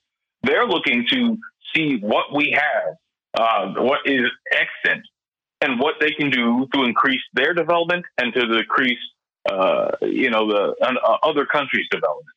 Uh, it's not necessarily a full blown communist project, um, but the importance of the BRICS bloc isn't the fact that it's going to overthrow capitalism uh, it's the fact that the United States, which is you know the uh, the overseer of Western American capitalism as we understand it today, is the single most powerful entity governing this structure. And if this stru- and this structure is uh, is the same one that has kept African uh, African countries poor, that has destroyed Latin America repeatedly, that has destroyed the Middle East, has rolled into countries like Iraq, Libya, Syria, Afghanistan, and others, uh, the age of that sort of thing is coming to an end.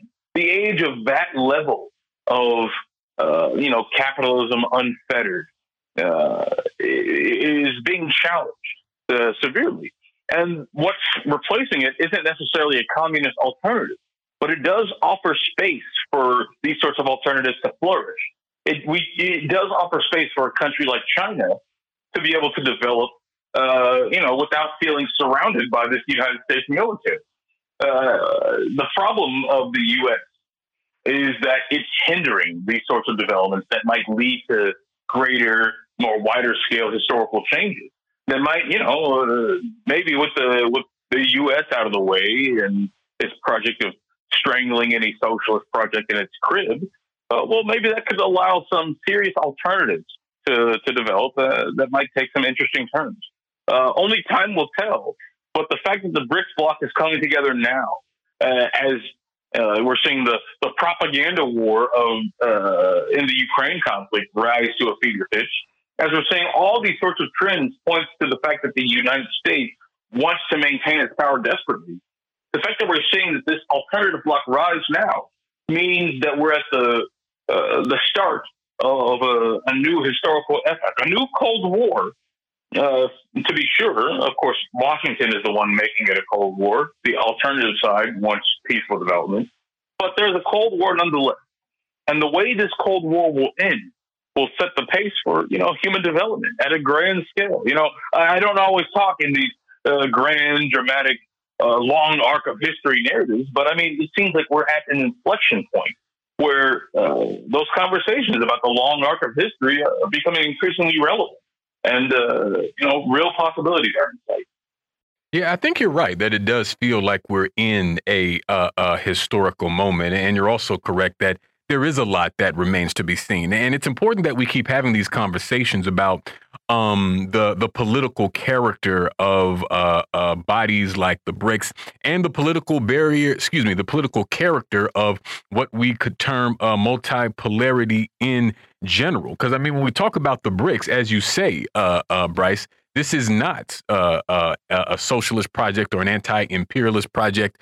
Uh, this is not even a project of countries with uh, similar uh, governments or ideologies. I mean, point of fact, some of these governments have uh, serious issues with each other, and I'm thinking of you know China and India, who, according to reports that I've seen, may very well being agreeing to actually try to lessen uh, some of their border tensions and things like that. And you were also mentioning the inclusion of some of the Gulf states who are very much within the uh, orbit of the West. But this is not a conference of uh, like minded governments or just, you know, a meeting of buddies sitting around talking about, you know, how much they agree with each other. We're talking about governments that represent literally the majority of humanity on this planet who have a, a, a different sort of dovetailing interests, many of them because of their history of deep colonial uh, uh, exploitation and imperialist conquest.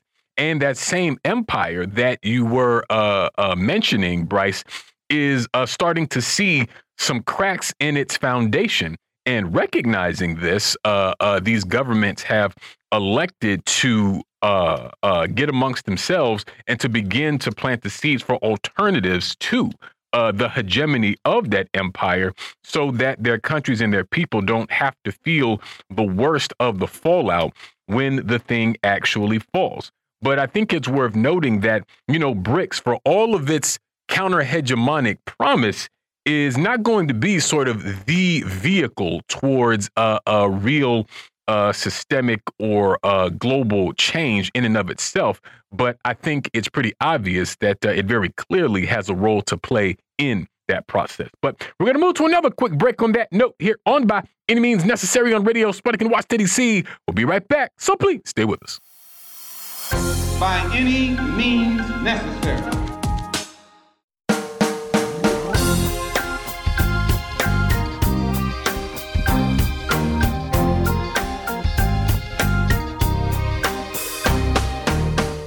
Welcome back to By Any Means Necessary on Radio Sputnik in Washington, D.C.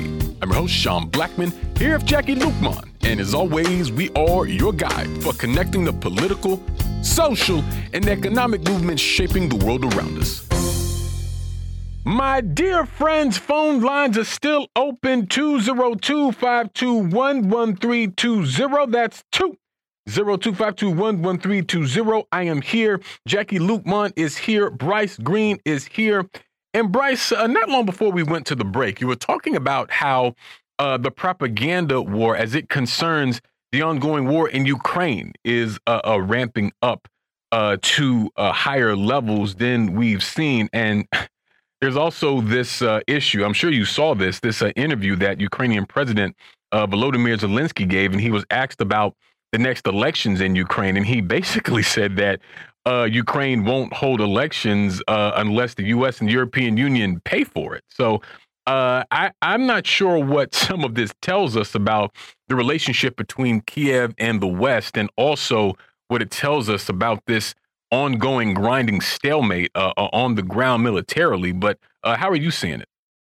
Well, you know, over the last couple of weeks, there's been an interesting development uh, a change in the tone of uh, the American press coverage of the situation in Ukraine, uh, as this three-month-long so-called counteroffensive has, you know, been pretty much routinely pushed back in almost all areas. Uh, the Western press has started actually covering some of the structural problems with Ukraine's military that it's been facing over that time, and it really shows that well, as the reality becomes more dire for Ukraine, uh, it, it's, even become harder to stop the you know mainstream corporate press who already see themselves as you know cheerleaders for Ukraine. When they start reporting on all the negative stuff, you know that things have become extremely bad for that for that side. Uh, case in point, you know, you saw the Washington Post, the New York Times reporting on, you know, how the uh, there are thousands of Ukrainian young men who are hiding from the, the draft, who are trying not to get recruited and conscripted and sent to the front lines. Uh, and then they report about what's going on at the front lines. That soldiers who haven't been trained yet are being uh, just pushed out there to act as cannon fodder, uh, seemingly for no good reason other than to just buy time or to grind down the Russian military in uh, a doomed effort to repel the, the Russian invasion. And you're seeing all these reports coming on in the Western press, and you're seeing all this pressure uh, put on the uh, uh, the Biden administration and you know the rest of the European uh, pro-Ukraine squad uh, to sort of pull out of this.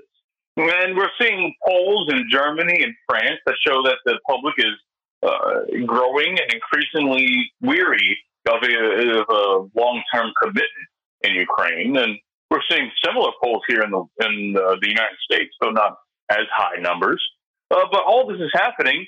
Uh, but the United States government, people like Joe Biden and uh, Jake Sullivan and Antony Blinken and others, well, they're out here saying you know we are we maintain our commitment, a long-term commitment to Ukraine. We're still seeing reports about oh, oh, you know, Ukraine's going to get some new F-16 soon. Uh, we're still seeing all this all this uh, bluster about how the U.S. still supports Ukraine, while the reality of the situation is even being acknowledged by some of uh, you know our cheerleading press corps. So this, to me, it signals that there's a, a major turning point coming in the American political class. Right? So if the corporate media talking about it, that means that there's a segment of the American political class who might be dissatisfied with the way the Ukraine war is going, the way it's being prosecuted and the open and the commitment that we have. Now, uh, uh, this isn't to say that uh, the the progressives have succeeded by calling for negotiations, by calling for peace, uh, because a even though there is criticism from the corporate press about this sort of thing, about the state of the Ukrainian military and this counteroffensive, uh, few of them have changed their tune on negotiation. Uh, they're not saying that well now it might be time to negotiate with with Putin. Some are, but most have still maintained their line that, well, this is an existential uh, threat to you know Western civilization. Uh, so we need to figure out how how we handle this. Uh, but the fact that uh, there's a faction uh, in the U.S. that is opposed to the war is significant, even if they do represent, uh, you know, like I said, the the big major foreign policy establishment that still has you know designs on China or that still has designs on uh, the Middle East. I mean, well, uh, General Mark Milley just recently said that the U.S. still wants to uh, stay in the Middle East for a long time.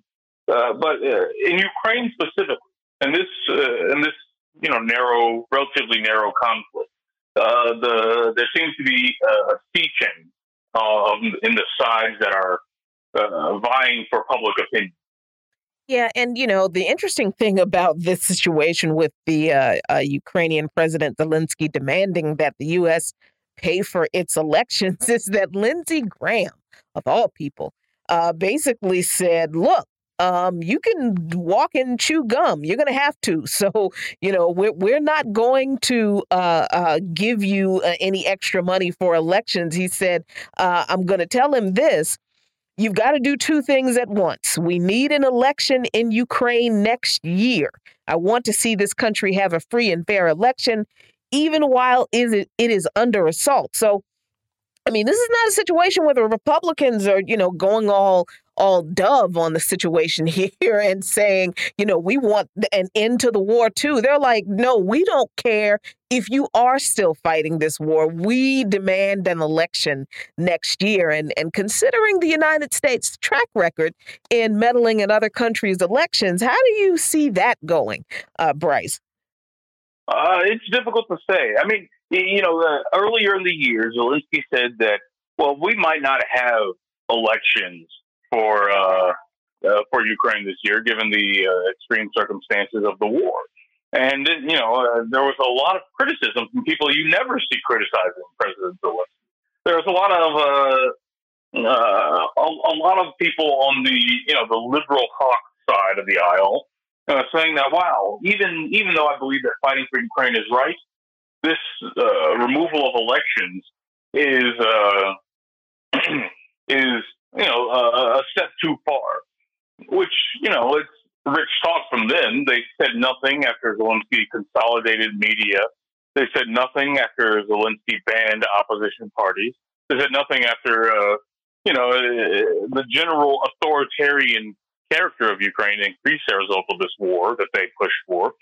Uh, they, they didn't say anything about that, but the veneer of elections is very important to the liberal mythology, the the story that the liberal world tells itself about its, uh, you know, its its value and its legitimacy.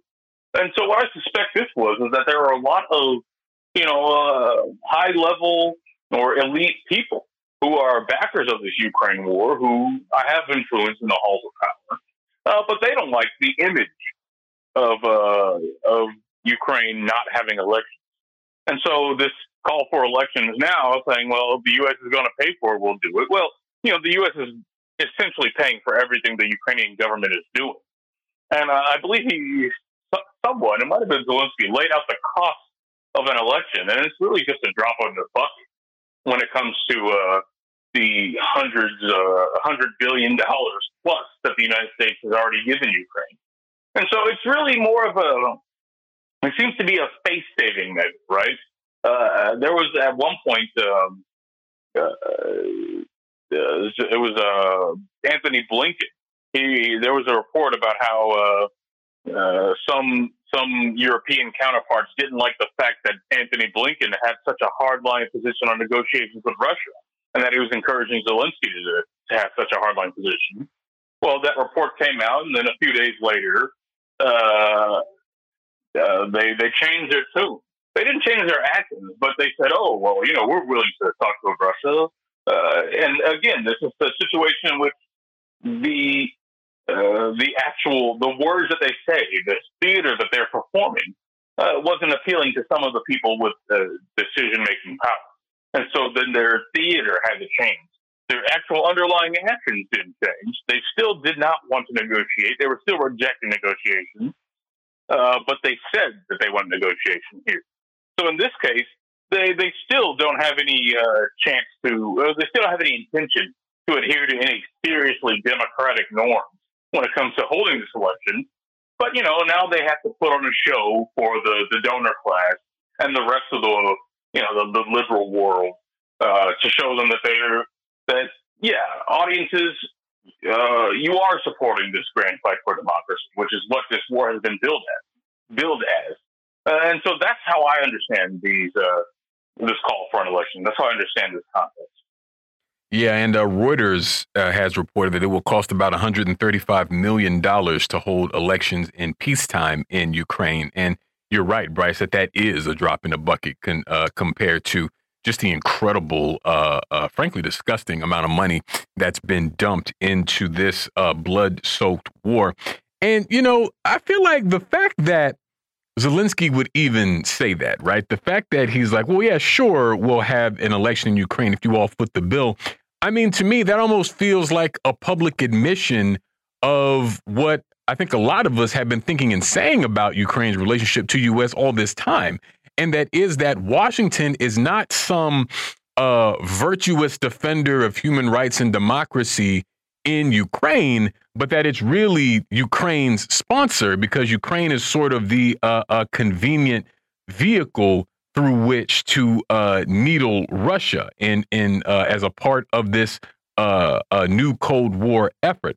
And so, even in giving this interview, it it it appeared that Zelensky is uh, all but admitting that, and I think that that's I mean, really like a part of the tragedy of this whole war is, you know, over this year and a half, all this life lost and all this destruction, which will continue as long as this war continues. I mean, we're even seeing um, uh, reports in the U.S. media and, and from U.S. officials about how there's not really going to be any decisive advance one way or the other in this war on the part of Russia or Ukraine. Because as long as uh, the U.S. keeps dumping uh, uh, all these hundreds of billions of dollars into Ukraine, I mean, the longer this uh, uh, meat grinder conflict uh, continues, and so it it definitely makes one wonder about the process for peace talks at this juncture, Bryce. And uh, I hope you're right that there are elements that uh, will be uh, uh, sort of pushing for that. And as I always bring up, I think we should always remember that it was the U.S. and the U.K. that uh, scuttled, that made it a point to basically kneecap the early peace negotiations that were being attempted in this war. Could have been over long ago. But the fact that peace was purposefully kept at bay by the imperial powers, I think, sort of shows their real motivations. You know what I mean? Uh, exactly. I mean, it, it, it, when this war, before this war started, there were those of us who said that, well, the U.S. is claiming that Russia is going to invade Ukraine, and that uh, this is an example of just how bad the Russians generally are, just how much that they want to reestablish the Soviet uh, the Soviet Empire and reestablish the Russian Empire and expand their influence, and they won't just stop with Ukraine. And well, uh, those of us on the left and those of us who are critical of U.S. imperialism, they said, well, if you really believe that, wouldn't you try and negotiate a long-lasting settlement uh, the way the Russians are asking? Wouldn't you try and call their bluff uh, on the on their insistence upon the Minsk Accords? Wouldn't you try and uh, prevent the worst from happening? So you could say to your, you know, your uh, your constituents that you did give this an honest try. Uh, no, they didn't do that. They didn't even try to see if Russia was serious about negotiating uh, because they didn't want to know. What they wanted was Russia to invade, and so they had a hardline position. When Russia said uh, we want to negotiate about missile placements on our border. We want to negotiate about having, you know, a NATO member right up this close to Moscow. Uh, well, the, U.S. said no. We maintain an open door policy with NATO, which is in effect saying that we maintain the right to place missiles, troops, and bases there eventually at a time of our choosing, and there's nothing you can do to stop it. Uh, well, that's clearly designed, could only be understood to, as designed to provoke a war which is exactly what they did. And now they're saying, uh, now people are saying, well, this operation has been such a success for Americans. I think Washington Post columnist David Ignatius called it a strategic windfall for America because they were able to grind down the Russian military without losing a single man. The U.S., of course, didn't lose a single man, but uh, Ukrainians, uh, I mean, an entire generation has been scarred by this. But of course, the U.S. does not care that was the goal to begin with. They're using Ukraine to fight Russia. That's, you know, a, it's a proxy war. Uh, and they don't care how many Ukrainians lose their limbs. In fact, yep. the New York Times reported that the, the Biden administration was worried that Ukraine might be too, quote, casualty averse in, uh, in their military operations, that they were too scared of losing men uh, in their operations. I think it just shows exactly what the U.S. believes this conflict is for, what they believe uh, about their own professed values of democracy, and how they're going to continue to use Ukraine in the future. Yeah, I mean, to accuse a country of being casualty averse in a war, to basically say, hey, you're not throwing enough people's uh, lives away, is pretty incredible. But it makes complete sense considering the fundamentally inhumane character of imperialism. And if it gets its way, then things only stand to get worse. But we want to thank you so much, Bryce, for joining us today. We're going to leave it there for today here on By Any Means Necessary on Radio Sputnik and Washington, D.C. Be back tomorrow with another new episode. So as always, we'll see you next time. Peace. By any means necessary.